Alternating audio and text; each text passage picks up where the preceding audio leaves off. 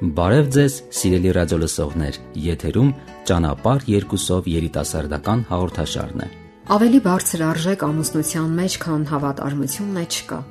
Դարեր ի վեր այն համարվել է բարձրագույն արժեք։ Եղել են իհարկե հարցակումներ, Սակայն ամուսնական հավատարմության ուխտը միշտ կարողացել է հաջողությամբ հաղթահարել այդ խնդիրները։ Ժամանակին տարածված էր բազմակնությունը, որը կնոջ արժանապատվությունը վիրավորող գործարք էր ընդհանրապես։ Այսօր եւս շատ հիմնախնդիրներ կան, որոնք փորձում են հակադրվել ամուսնական միության ուխտին։ Ժամանակակից թվային տեխնոլոգիաները լայն դաշտ են բացում դրա համար։ Հասարակության մեջ իշխող վատատեսական տրամադրությունները, հուսահատությունը, ժամանակակից արվեստը եւս նպաստում են, որ երիտասարդությունը այնքան էլ լուրջ չվերաբերվի այդպիսի հարցերին։ Երիտասարդությունը պետք է հստակ ու որոշակի հասկանա, որ ընտանիքն է հասարակության կայունության եւ անվտանգության գրավականը, եւ այն վերջի վերջո կարող է հարվածել հենց իրեն շահերին։ Պարզ վիճակագրությունը հաստատում է, որ յուրաքանչյուր անհավատ հավատարմության կամ ամուսնալուծության դեպք շոշափում է մոտավորապես 40 անznավորություն, եւ այս թվաբանական պրոգրեսիան չի կարող չբախել մեր դռները։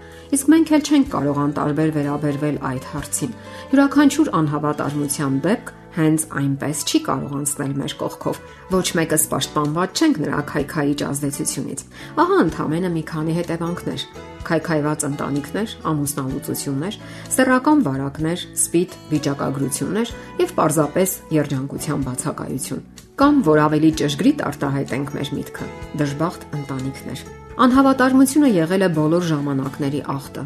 Բոլոր ժամանակներում այն համարվել է տղամարդկային մենաշնոր եւ նվաստացրել կանացի արժանապատվությունը։ Այսօր դա համարվում է ազատության դրսևորում եւ իբր թե ժամանակակից, սակայն ախտը երբեք ժամանակակից չի կարող համարվել։ Նա միշտ էլ եղել եւ ուղեկցել է մարդկությանը, ցավոք։ Ընտանեկան կյանքի ներդաշնակությունը ենթադրում է պատասխանատվություն եւ սահմանափակումներ։ Ազատություն երբեք չի նշանակում անել այն, ինչ խելքիդ փչի։ Այդպես կարող են վարվել երեխաները, իսկ սեռական փորձարկումները երբեք չեն կարող անհետևանք անցնել երիտասարդների համար։ Ֆիզիկական ստրկությունը կամ ինքնատիրապետումից զուրկ կյանքը վաղ թե ուշ հանգեցնում է միայնության եւ ձախողումների եւ դուք հարկադրված եք լինելու լցնել ձեր կյանքը ալկոհոլով կամ անառակաբարո գործողություններով, որովհետեւ հոգեկան հասունություն ունեցող անznավորությունը պետք է կարողանա վերահսկել իր վարքը եւ ղեկավարել պահանջմունքները՝ ի տարբերություն նորածինների։ Ինչն է բնորոշ մեր օրերում ազատ սիրո օթում թափառող ախտածին գաղափարախոսությունը ժամանակակից համաշխարային մշակույթում։ Այդ մշակույթը նրբորեն աննկատ եւ մտքի համար գայթակղիչ երանգներով քարոզում է ազատ սիրո, ցախ կապերի, որպես թե բուրըն կրքերի դրսևորումները։ Այն համարվում է ազատագրում հոգեկան միայնությունից, ավելի լավի եւ գեղեցիկի որոնումներ։ Իսկ իրականում այն միայն խորացնում է միայնության զգացումը պատահական սեռական կապերը, պատահական ընկերակցությունները, ալկոհոլի մշտական օգտագործումը միայն խորացնում են անվստահության եւ միայնության հուսահատության դրսևորումները։ Պատճառը շատ པարզ է։ Ամուսնությունը պետք է հիմնված լինի սիրո եւ հարգանքի փոխադարձ վստահության վրա։ Մեր օրյա վազվզոցից հոգնած մարդու համար ընտանիքը լավագույն ապաստարանն է եւ հանգրվանը, այն ամրոցը, որտեղ նա կարող է հանգստություն եւ ըմբռնողություն գտնել, եւ ոչ միայն գտնել, այլ նաեւ տալ։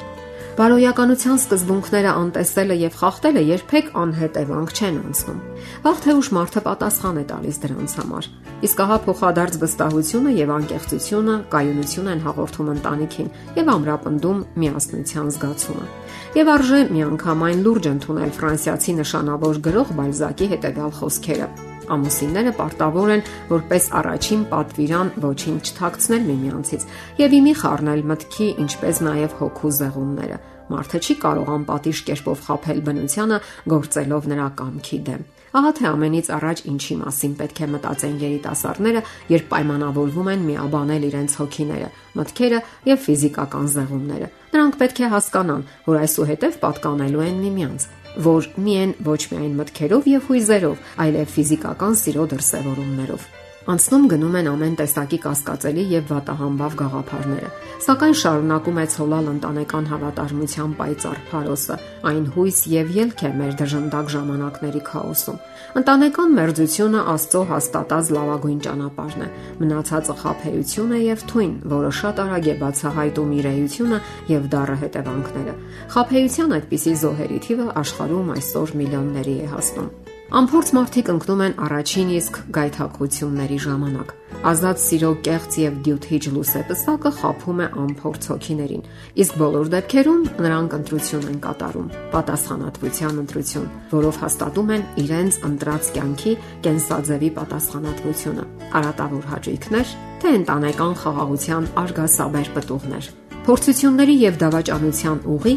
թե ընտանեկան ներդաշնակության բարեբեր ընթացք։ Եթե առաջինը տապալում է եւ ի վերջո կործանում, ապա երկրորդը հուսավառում է եւ ջերմացնում հոգիներն ու սրտերը։ Սիրելի երիտասարդներ, ո՞ր ուղին եք ընտրում դուք։